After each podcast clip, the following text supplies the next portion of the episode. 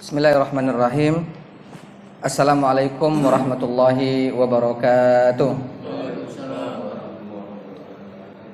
Alhamdulillahi rabbil alamin. Hamdan lakallahumma ala alaikal jasimah wa ala ni'amikal azimah. Wassalatu wassalamu ala habibina Mustafa Muhammad bin Abdullah alaihi afdalus salati wa atamu taslim. Ashhadu an la ilaha illallah wahdahu la syarika lah wa ashhadu anna Muhammadan abduhu wa rasuluhu la nabiyya ba'da thumma amma ba'd. Faqala Allah Ta'ala fil Qur'anil Karim, a'udzu billahi minasyaitonir rajim. Bismillahirrahmanirrahim. Qul la in ijtama'atil insu wal jinnu ala an ya'tu bimithli hadzal Qur'an la ya'tuna bimithlihi walau kana ba'dhum li ba'din dhahira. Sadaqallahul azim. Hadirin jamaah yang dimuliakan Allah Ta'ala, kita akan melanjutkan kajian tafsir kita ya.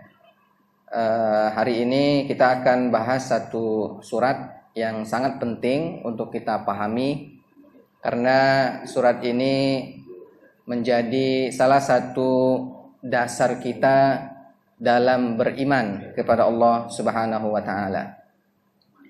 Surat ini punya keistimewaan yang luar biasa ketika surat ini turun ya kepada Rasulullah Shallallahu Alaihi Wasallam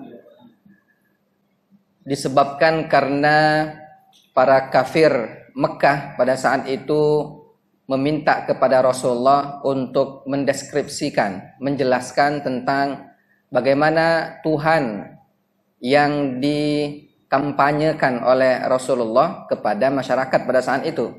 Karena yang mereka tahu bahwa Tuhan itu adalah ya berupa patung-patung berhala-berhala yang kemudian mereka jadikan sebagai Tuhan yang kemudian mereka sembah. Rasulullah ketika diangkat sebagai nabi dan rasul berdakwah kepada masyarakat dengan dakwah yang sama mulai dari awal sampai beliau eh, apa namanya meninggal dunia dakwanya sama yaitu dakwah tauhid mengajak untuk beribadah hanya kepada Allah Subhanahu wa taala. Nah, ketika Rasul berdakwah mengajak ibadah itu hanya kepada Allah, ya, menjelaskan dan mengenalkan konsep tauhid, ya. Masyarakat pada saat itu penasaran, ya, penasaran dan juga ada keinginan untuk tahu apa dan bagaimana seperti apa Tuhan yang dimaksudkan oleh Rasulullah Shallallahu Alaihi Wasallam. Mereka berkata, "Sif lana rabbaka ya Muhammad."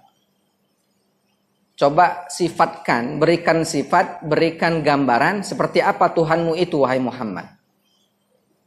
Kemudian turunlah surat Al-Ikhlas yang berbunyi, "A'udzu rajim. Bismillahirrahmanirrahim." Qul huwallahu ahad Allahus samad lam yalid wa lam yulad wa lam yakul lahu kufuwan ahad. Surat ini ternyata menjadi jawaban yang singkat, padat, jelas terhadap konsep ya, konsep teologi, konsep ketuhanan dalam agama Islam. Itulah mengapa surat ini menjadi istimewa jamaah sekalian. Karena dia berbicara tentang akidah, tentang tauhid yang tentunya ini merupakan dasar utama kita dalam beriman, dalam beribadah, dalam menyembah Allah Subhanahu wa taala. Karena itulah Rasulullah SAW memberikan nilai yang tinggi terhadap surat ini. Sampai suatu ketika Rasul pernah memberikan semacam challenge ya, tantangan kepada para sahabatnya. Kalau bahasa kitanya kira-kira sahabatku ada tidak yang mampu dalam semalam itu baca sepertiga Al-Qur'an. Para sahabat banyak yang tidak sanggup. Ya Rasulullah, bagaimana mungkin kami semalam itu bisa sampai pada sepertiga Al-Qur'an? Paling sampai hanya beberapa juz saja ya, gitu maksimal. Kata Rasul, kalau kalian ingin sampai kepada sepertiga Al-Quran tapi mudah, Iqra surat Al-Ikhlas. li'annaha ta'dilu sulusal Quran. Baca bae cukup surat Al-Ikhlas sekali maka itu sama nilainya seperti membaca sepertiga Al-Quran. Surah Al-Ikhlas, baca sekali, itu nilainya sama seperti baca sepertiga Al-Quran. Bayangkan, artinya kalau kita baca itu sekali, dua kali, tiga kali, berarti kita hatam Al-Quran. Itu ya. Tapi tentunya jangan sampai kemudian kita uh, salah dalam menanggapi hadis ini. Ay, kalau itu Pak Ustadz, ngapoi saro-saro baca Al-Fatihah sampai An-Nas. Cukup baca ikhlas baik tiga kali. Jangan begitu juga ya. Nilainya memang sama. Tapi tentunya kalau baca dari dari surat Al-Fatihah sampai An-Nas tentu akan lebih terasa nilainya, akan lebih banyak pahala yang didapatkan gitu ya. Karena berbeda tentunya ya. Walaupun nilainya kata Rasulullah Shallallahu alaihi wasallam sama seperti sepertiga Al-Quran. Makanya surat ini dia hanya uh, punya tiga ayat, eh empat ayat ya. Namun keistimewaannya luar biasa. Sampai suatu ketika ada riwayat menyebutkan ada seorang imam ya di Kuba dia menjadi imam di tempatnya karena suaranya bagus, bacaannya bagus, tajwidnya luar biasa. Dia diangkat sebagai imam imam tetap di situ untuk mengimami masyarakat setempat. Tapi kalau dia jadi imam, ada kebiasaan yang agak dalam tanda kutip aneh di tengah masyarakat pada saat itu, pada zaman Rasul ini, pada zaman Rasulullah SAW. Apa anehnya? Setiap kali ngimam, setelah baca surat Al-Fatihah, dia akan baca surat Al-Ikhlas. Setiap kali ngimam, habis baca Al-Fatihah, baca Al-Ikhlas. Ada ada suatu ketika baca Al-Fatihah, baca surat lain, kaget baca surat Al-Ikhlas lagi. Jadi tidak pernah tinggal baca surat Al-Ikhlas. Sampai para jamaahnya yang saat itu e, merupakan para sahabat Nabi Shallallahu Alaihi Wasallam, mereka tentu kalau bahasa kitonyo malak. Tahu ya malak Pak ya? Malek itu bosen. Iya. Mereka malek karena baca surat itu terus. Akhirnya ada yang berani me, ber, apa namanya ngomong ke imam, wahai imam, ngapa tidak baca surat lain sekali sekali? Masa alih kelas terus, ya kan? Mungkin ada yang beranggapan, ah jangan-jangan imam tidak hafal, tidak hafal Quran, cuman baca alih kelas baik. Tapi hal itu tidak dipedulikan. Bahkan dia ngomong ini, kalau kamu nak nyuruh aku baca surat lain, silahkan cari imam lain selain aku. Aku tidak akan meninggalkan surat Al-Ikhlas ketika aku menjadi imam. Para jamaahnya, para makmumnya bingung. Ngapa bingung? Nak diganti Dioni sayang karena bacaannya bagus, kemudian makharujul dan makharujul huruf, kemudian tajwidnya luar biasa. Sayang kalau nak diganti dengan yang lain, belum tentu ada yang bisa sama seperti dia. Ya, kalau dibiarkan terus al-ikhlas. Ya. Akhirnya apa yang terjadi? Mereka kemudian mengadukan perkara ini kepada langsung kepada Rasulullah Sallallahu Alaihi Wasallam. Mereka adukan, ya Rasulullah ini kami ini ceritanya lah. Ada imam yang kalau ngimam memang bagus, tapi kami ini agak sedikit uh, risih karena baca al-ikhlas terus. Ngapa tidak baca surat yang lain? Padahal sudah kami ingatkan. Kemudian Rasulullah memanggil sang imam. Dipanggillah sang imam. Kemudian ditanya. Rasul bertanya kepada imam. Kenapa engkau tidak baca surat lain selain Al-Ikhlas? Sebagaimana permintaan dari para makmum, para jamaahmu. Kenapa selalu Al-Ikhlas saja yang kau baca? Jawabannya singkat tapi padat. Kata sang imam, Ya Rasulullah, Ana uhibbuha Aku baca itu karena aku begitu mencintai surat Al-Ikhlas. Langsung Rasul jawab pada saat itu, hubbuka iyyaha adkhalakal jannah. Cintamu kepada surat Al-Ikhlas itu akan mengantarkanmu masuk ke dalam surga. Subhanallah, ya. Bayangkan seorang yang cinta kepada surat Al-Ikhlas yang dia baca terus-menerus ternyata bisa bisa menjadi wasilah untuk menghantarkan dia masuk ke dalam surga. Karena itu jangan kemudian kita meremehkan surah Al-Ikhlas. Kakek ada imam baca Al-Ikhlas, ah imam nih. Dah hafal Quran, baca masa Al-Ikhlas tulah yang baca. Jangan, siapa tahu dia memang tentu merasakan betapa dahsyatnya surah Al-Ikhlas. Itu sekelas sahabat ya. Kalau masyarakat kita kan barangkali tidak sampai ke sana. Kadang yang membaca Al-Ikhlas itu bukan karena mencintai Al-Ikhlas, tapi karena tidak hafal surat lain. Makanya baca terus surat surat Al-Ikhlas. Nah, itulah mengapa surat ini menjadi begitu istimewa. Ya, Bapak Ibu sekalian. Nah, surat ini bernama surat Al-Ikhlas ya. Tapi biasa juga disebut dengan surat surat apa kira-kira namanya? Ada yang dikenal di masyarakat nama surat itu disebut dengan surat apa, Pak? Kulhu. Ya, betul. nama asli surat ini ya adalah Al-Ikhlas. Al-Ikhlas.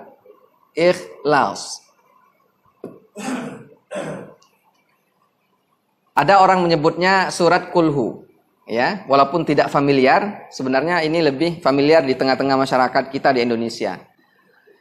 Yang paling familiar nama yang disematkan kepada surat ini adalah surat Al-Ikhlas. Al-Ikhlas, jemaah sekalian, maknanya adalah murni. Ya. Murni. Ya kan? Kenapa maknanya murni?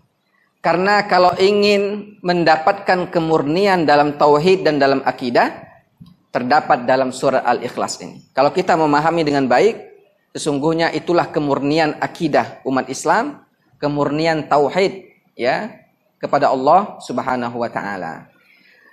Ikhlas kalau dalam bahasa Arab ya, ketika ingin menyebutkan sesuatu yang murni, biasanya kalau dalam produk-produk makanan, produk-produk tertentu akan dituliskan di keterangan makanan itu ada namanya al-waznu khalis.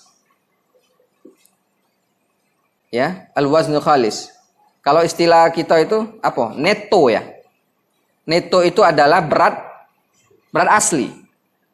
Khalis, khalisnya asal katanya dari ikhlas, dari kho kemudian lam kemudian so. Khalas. Kalau kalau orang Arab bilang khalas, khalas. Khalas itu artinya selesai. Tidak kati embel-embel lain. Maka makna ikhlas ini murni, suci, tidak ada apa embel-embel lain, tidak ada yang melekat pada hal tersebut sehingga dia disebut dengan al-ikhlas. Nah, itulah mengapa Bapak Ibu sekalian, ketika seseorang ya punya akidah yang lurus, maka akidahnya menjadi akidah yang murni ketika dia memahami surah Al-Ikhlas ini dengan sebaik-baiknya. Dan hebatnya surat ini walaupun namanya Al-Ikhlas tapi tidak terdapat kalimat kata Al-Ikhlas dalam surat tersebut. Padahal biasanya di surat-surat lain ada namanya nama surat biasanya diambil dari tubuh atau bagian dari ayat tersebut. Contoh misalkan di surat Al-Baqarah. Ya. Fazbahu Baqarah dalam surah Al-Baqarah ya. Baqarah. Kalau surah Al-Kautsar, inna a'tayna kal kautsar. Ya.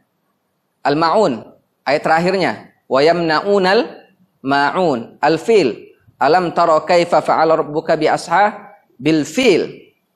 An-nas qul a'udzu bin nas. Al-falaq qul a'udzu bil falaq. Al-Lahab, tabat syada Abi Lahab watab, ya. Abu Lahab jelas di sana tertulis ter, disebutkan Al-Lahab fi jidha belum masad. Nama Al-Lahab nama Al-Lahab juga bisa disebut dengan Al-Masad. Memang juga ada ayat yang berbunyi fi jidha belum masad. Nah, sedangkan Al-Ikhlas adakah tersebut atau tertulis di surat Al-Ikhlas itu kata Al-Ikhlas? Qul huwallahu ahad, Allahus samad, lam yalid walam yulad walam yakul lahu kufuwan ahad. Ada nggak al-ikhlas?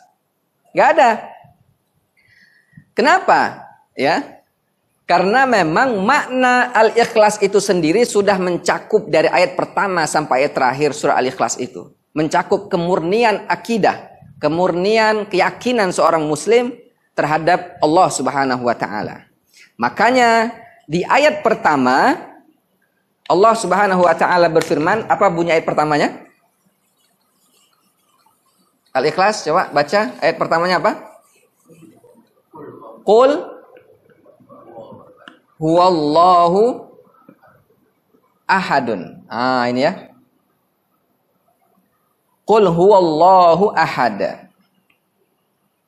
Kita lihat nih perkatanya ya, perkata.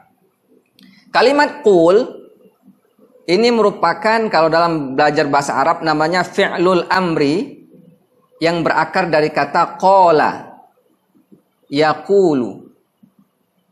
Perintahnya adalah qul. Artinya katakanlah Dan ada satu kata yang mirip dengan kul. Apa itu? Dari asal katanya akala yakulu perintahnya adalah kul pakai kaf yang artinya sangat berbeda jauh yaitu makanlah. Kul pakai kaf artinya katakanlah pakai kop ya. Kul pakai kaf artinya katakanlah Kul pakai kaf artinya makanlah. Jadi kalau baca surat ini tidak boleh sembarangan. Harus sesuai dengan makharijul hurufnya, cara penyebutannya. Kul di sini ko tuh Pak. Kul. Kul berarti katakanlah. Kalau ku biasa kafnya ya bukan dari sini, maka artinya makanlah. Kul. Makanya tajwid itu menjadi hal yang sangat penting karena sangat mempengaruhi dari makna ini.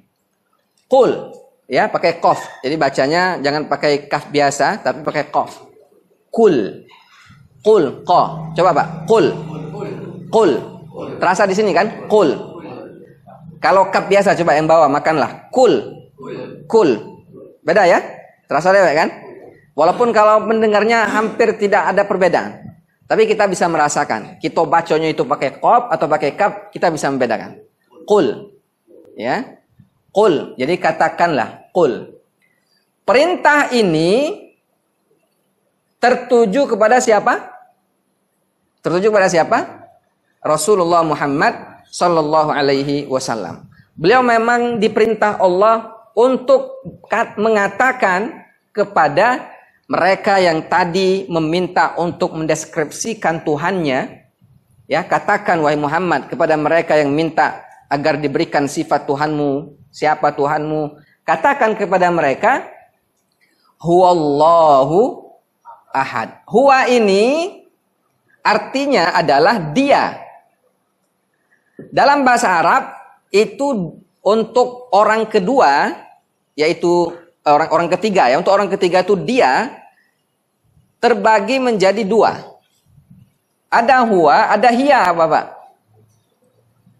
yang belajar pernah di pesantren atau di madrasah pasti pernah tahu ya istilah huwa huma hum huma hunna anta antuma antum anti antuma antuna ana nahnu. Nah, orang ketiga itu kan ada huwa ada hiya. Untuk penyebutan dia bisa menggunakan dua, bisa huwa, bisa hiya. Apa bedanya? Kalau huwa untuk laki-laki, dia laki-laki, kalau hiya untuk dia perempuan. Nah, di sini hati-hati. Kalau kita paham hanya kulitnya baik, oh berarti Pak Ustadz, huwa ini kan dia laki-laki. Oh berarti Tuhan kita itu berjenis laki-laki. Ah, jangan sampai kita berpikir ke sana. Alasannya apa? Kenapa kemudian huwa yang digunakan bukan hia? Ya, karena ini hanya mewakili saja, tidak mungkin dua-duanya ini digunakan. Satu itu. Kedua, penggunaan huwa ini lebih kuat dibandingkan dengan hia. Ketiga, ini tidak memberikan jenis terhadap Tuhan. Tidak memberikan jenis kepada Allah. Bukan berarti Allah itu laki-laki. Ya, Karena Allah itu tentunya berbeda dengan makhluk yang punya jenis. Ada laki, ada perempuan. Kalau Allah kan tidak. Laisa kamitslihi syai. Allah tidak sama dengan makhluknya. Sehingga tidak bisa kemudian karena gara-gara ini kita menyatakan oh berarti Allah itu jenisnya adalah laki-laki. Tidak ya. Tapi ini sebagai domir, sebagai kata ganti saja untuk menyebutkan dia yang dimaksud adalah Allah dan ingat walaupun menggunakan huwa tidak berarti Allah berjenis tertentu baik laki-laki maupun perempuan. Ya. Qul huwa. Nah, begitu. Kemudian Allah, Allah ini adalah nama ya yang disematkan Allah sendiri kepada dirinya. Allah kan banyak nama ya. Walillahil asmaul husna. Allah punya nama-nama yang indah. Paling tidak yang kita kenal dengan istilah 99 nama. Ya. Mungkin banyak yang hafal juga nih. Karena dalam hadis Rasul bersabda, "Walillahi tis'a wa tis'una uh, isman. Man ahsaha dakhalal jannah." Allah itu punya 99 nama. Barang siapa yang menghafalnya, maka dia masuk dalam surga. Nah, jadi kalau pengen masuk surga, hafalkan 99 nama. Ya. Ini satu yang nama Allah itu Allah. Yang kalau dinadakan itu biasa yang kita dengar, kita biasa dengarkan itu. Wallahu alladzi la ilaha illa huwar rahmanur rahim dan seterusnya. Ya. Saya yakin di sini ada yang hafal, ada juga yang belum hafal caknya ya. Nah, kakek dihafalkan coba. Allah ini adalah salah satu namanya. Ada yang mengatakan asal katanya adalah ilahun, ya. Tuhan. Kemudian menjadi Allah. Allah ini adalah lafal yang digunakan untuk nama Tuhan kita, ya. Yang kemudian ini juga dikenal oleh masyarakat kafir Quraisy pada saat itu di Mekah juga mereka mengenal Tuhan mereka itu dengan sebutan Allah. Dalam Al-Qur'an Allah taala memberikan uh, informasi bahwa wala in sa'altuhum man khalaqas samawati wal ard ya maka mereka akan mengatakan la yaqulunallah siapa yang ketika kamu tanya kepada mereka siapa yang menciptakan langit bumi, matahari, bulan? Jawaban mereka pasti ini. Allah. Ya, jawaban mereka Allah. Siapa yang menciptakan kalian? Jawaban mereka Allah. Padahal mereka orang-orang kafir. Tapi mereka menyebut tetap Allah. Ya. Terus ketika ditanya, bagaimana dengan Tuhan-Tuhan kalian yang bernama Lata, ya, Uzza, begitu. Ya, dan lain sebagainya, nama-nama patung mereka itu. Terus itu sebagai apa? Mereka mengatakan itu juga Tuhan kami. Tapi untuk apa mereka menyembah itu? Liuqarribuna ilallahi zulfa. Sebenarnya kata mereka, Tuhan-Tuhan yang ada itu, berhala-berhala yang kami sembah itu, hanyalah sekedar media saja untuk men menyampaikan kami kepada Tuhan kami yaitu Allah. Jadi mereka menggunakan media berhala untuk sampai kepada Allah. Dan sampai hari ini masih terjadi orang ada yang beribadah menggunakan media tertentu. Ya, ada yang menggunakan media pohon yang besar ya. Ada yang menggunakan media keris-keris tertentu ya. Ternyata itu media mereka untuk beribadah kepada Allah walaupun ada yang tidak uh, mengakui hal tersebut.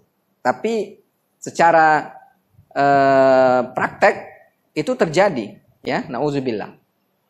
Nah orang-orang kafir Quraisy pada saat itu ternyata memang mereka mengakui Allah tapi ibadah mereka salah. Salah dalam cara beribadah. Hadirnya Rasul untuk membenarkan apa yang selama ini mereka uh, salah dalam memahami konsep beribadah kepada Allah taala baik nah ini yang terakhir ahad Mungkin hari ini satu ayat dulu ya. Karena memang isi al-ikhlas ini dalam sekali. Jadi harus dipahami sedikit dulu. Ahadun artinya apa? Ahad. Satu. Kalau bahasa kita biasanya wahid kan? Wahid. Itnani, salah arba'a, khomsa. Wahid artinya satu. Ahad ya maknanya adalah satu atau esa. Apa yang dimaksud dengan esa? Apa yang dimaksud dengan satu? Ya, sifat Allah kepada sifat Allah yang disematkan kepada dirinya. Ada tiga. Satu, tauhid fi af'alihi. Ya, Allah itu esa dari perbuatannya, esa dari sifatnya, sifatihi, dan esa dari zatihi, dari zatnya.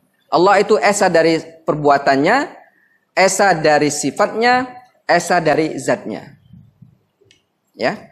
Kenapa? Karena Allah tidak ada saingan sama sekali. Allah harus tunggal mulai dari zatnya dalam artian begini Bapak Ibu. Zat Allah itu tidak terdiri dari organ-organ tertentu.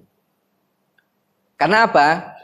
Ada anggapan ya orang-orang terdahulu bahwa Tuhan itu punya organ tertentu. Dia punya mata, punya telinga mendengar, punya tangan untuk melakukan sesuatu, ya kan? Sehingga bayangan mereka bahwa Tuhan itu layaknya seperti makhluk, layaknya seperti manusia dari segi zatnya.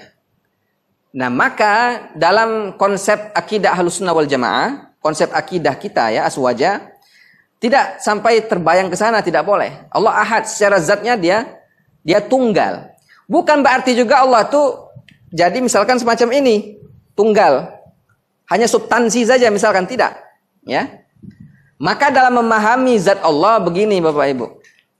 Kata para ulama, kullu ma khatara bibalik fallahu khilafu dzalik. Kullu ma khatara bibalik fallahu khilafu dzalik.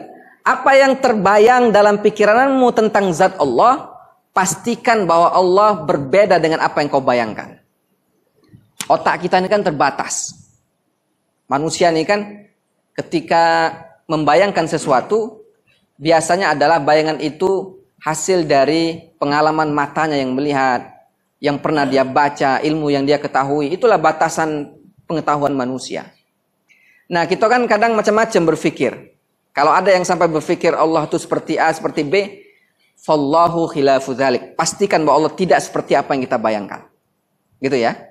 Makanya nanti akan ada konsep yang memberikan cara agar kita benar memahami zat Allah yang kita kenal dengan sifat 20 yang bunyinya wujud kidam baqa itu ya.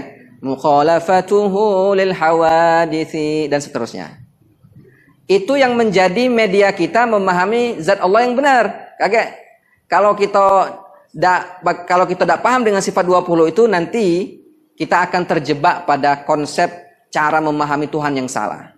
Makanya para ulama memberikan cara agar kita memahami zat Allah itu dengan sifat 20 sehingga Allah terhindar dari sifat-sifat yang bisa membuat Allah rendah, membuat Allah tidak mulia. Dengan sifat 20 itu akan menjadikan Allah semakin mulia, terhindar dari hal-hal yang tidak baik. Ya. Ahad ini tadi, jadi Allah itu esa, tunggal. Dan ini yang menjadi konsentrasi dakwah Rasul mulai di awal ketika beliau diangkat sebagai nabi dan rasul di Mekah. Beliau terus menerus mendakwakan tentang ketauhidan. Ya kan? Maka itu seorang hamba, Bapak Ibu, ketika dia punya tauhid dalam dirinya, maka itu menjadi kunci surganya di akhirat kelak. Rasul sallallahu alaihi wasallam bersabda dalam hadis, "Man kana ya akhiru kalimatihi la ilaha illallah dakhalal jannah."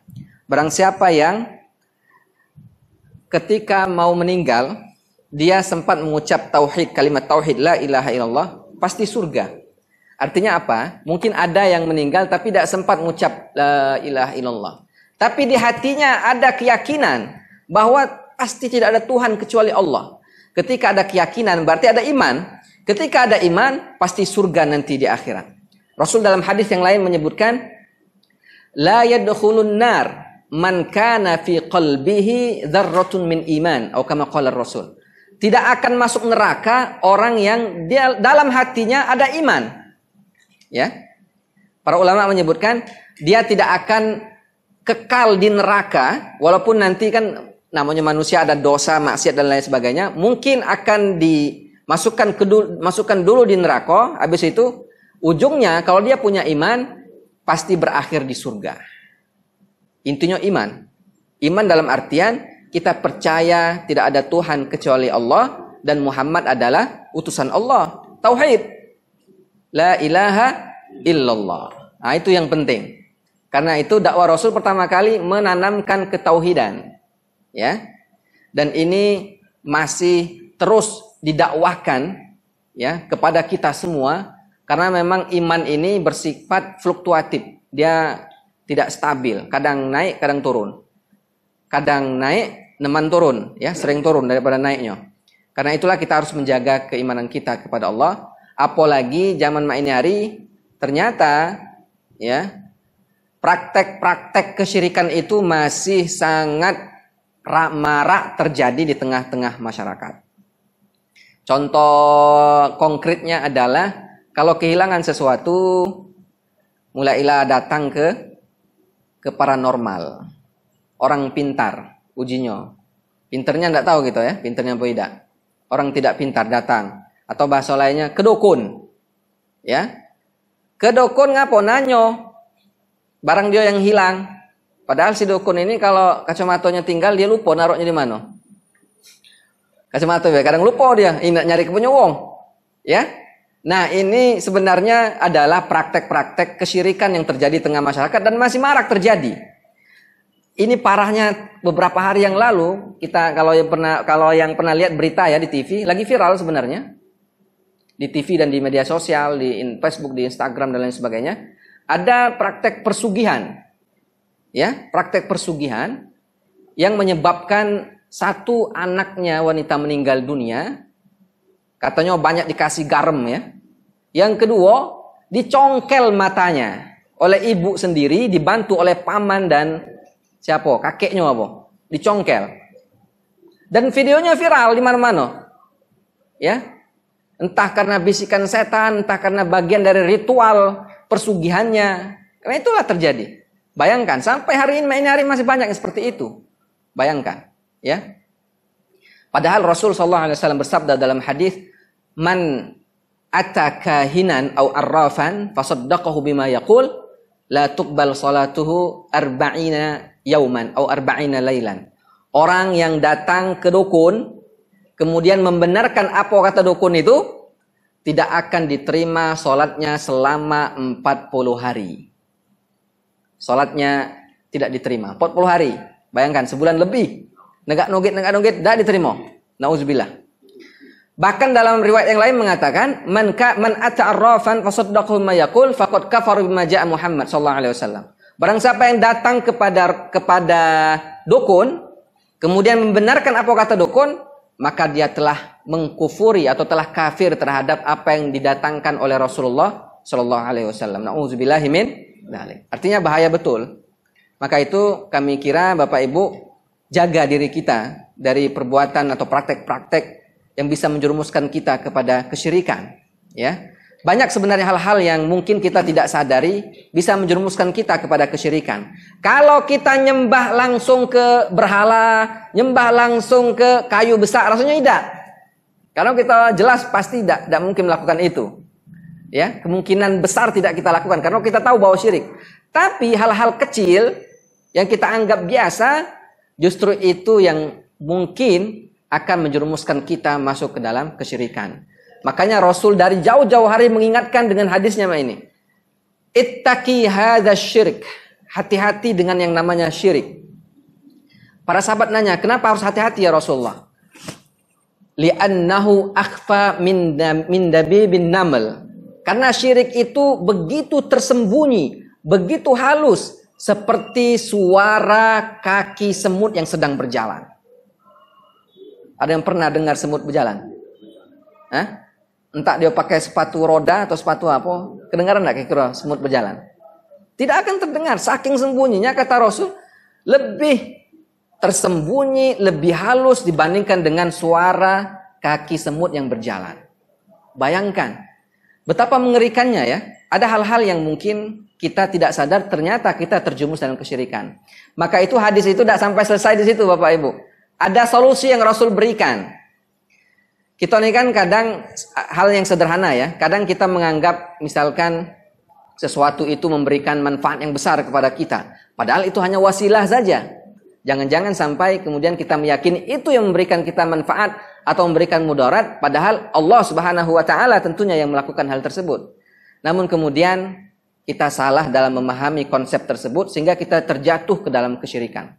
Nah, dalam hadis itu terakhir ya, dalam hadis itu Rasul menjelaskan bahwa ada solusi agar terhindar dari kesyirikan baik yang besar maupun yang kecil. Apa solusinya? Sebuah doa. Sebuah doa. Dan doa ini ya, kami sarankan kepada semua jamaah, semua umat Islam seharusnya hafal dengan doa ini agar kita terhindar dari kesyirikan soghiruha wa kabiruha. Baik syiriknya besar maupun syiriknya kecil. Kalau kita hafal doa ini dan kita baca. Apa bunyi doanya? Mungkin ada yang hafal. Allahumma inna na'udzubika min an nusyrika bika syai'an na'lamu wa nastaghfiruka lima la na'lamu. Saya tuliskan dulu ya, terakhir. Mohon maaf sedikit. Doa ini kata Rasul kalau dibaca akan terhindar dari perbuatan syirik baik yang kecilnya maupun yang besarnya. Kalau yang besarnya kita bisa segera bertaubat ya. Kalau yang jelas ketahuan. Kalau yang kita tidak tahu, maka dengan doa ini kita akan terhindar. Ini doanya nanti boleh dipoto atau ditulis nanti dibaca dan dihafalkan. Allahumma inna na'udzubika min an nusyrika nusyrika bika. Syai'an na'lamuhu wa nas wa nastaghfiruka lima la na'lamuhu. Allahumma inna na'udzubika min an nusyrika bika syai'an na'lamuhu. Titik sini ya.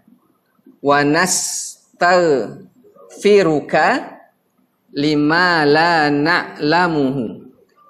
Nih.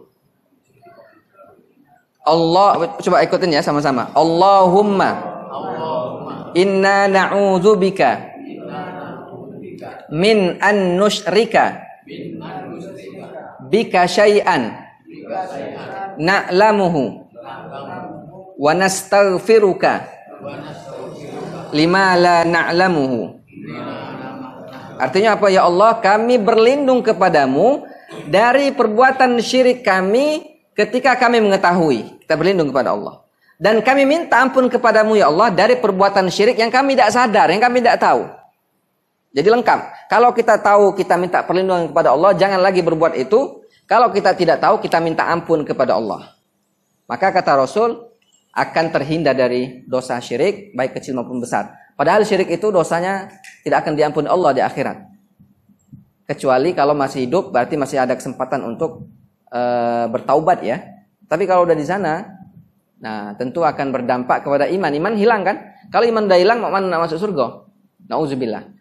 Karena itu syirik harus kita hindari yang besarnya termasuk yang kecilnya yang kita yang kita ketahui atau yang kita tidak ketahui minimal dengan uh, apa namanya doa seperti ini. Syirik kan banyak ya nantilah kita akan bahas di pertemuan yang akan datang termasuk ria ya. Bagian dari syirik walaupun tidak sampai dosa termasuk seperti dosa besar syirik yang lain tidak ya kalau ria. Tapi dia berbahaya juga akan berdampak kepada uh, diterimanya sebuah amal atau tidaknya gitu ya. Baik, mungkin ini yang bisa kami sampaikan di ayat pertama tentang soal ikhlas yang menjelaskan tentang ketauhidan, tentang akidah kemurnian uh, kita dalam beribadah kepada Allah, dalam mengenal zat Allah sehingga mudah-mudahan kita bisa mengambil hikmah ya dalam surah Al-Ikhlas ini khususnya di ayat pertama dulu insya Allah di pertemuan yang akan datang kita akan lanjut ke ayat 2 dan sampai terakhir ya sampai ayat keempat insya Allah. Terima kasih atas pertanyaan. Jika ada pertanyaan kami berikan kesempatan. Kami tutup dulu dengan Assalamualaikum warahmatullahi wabarakatuh.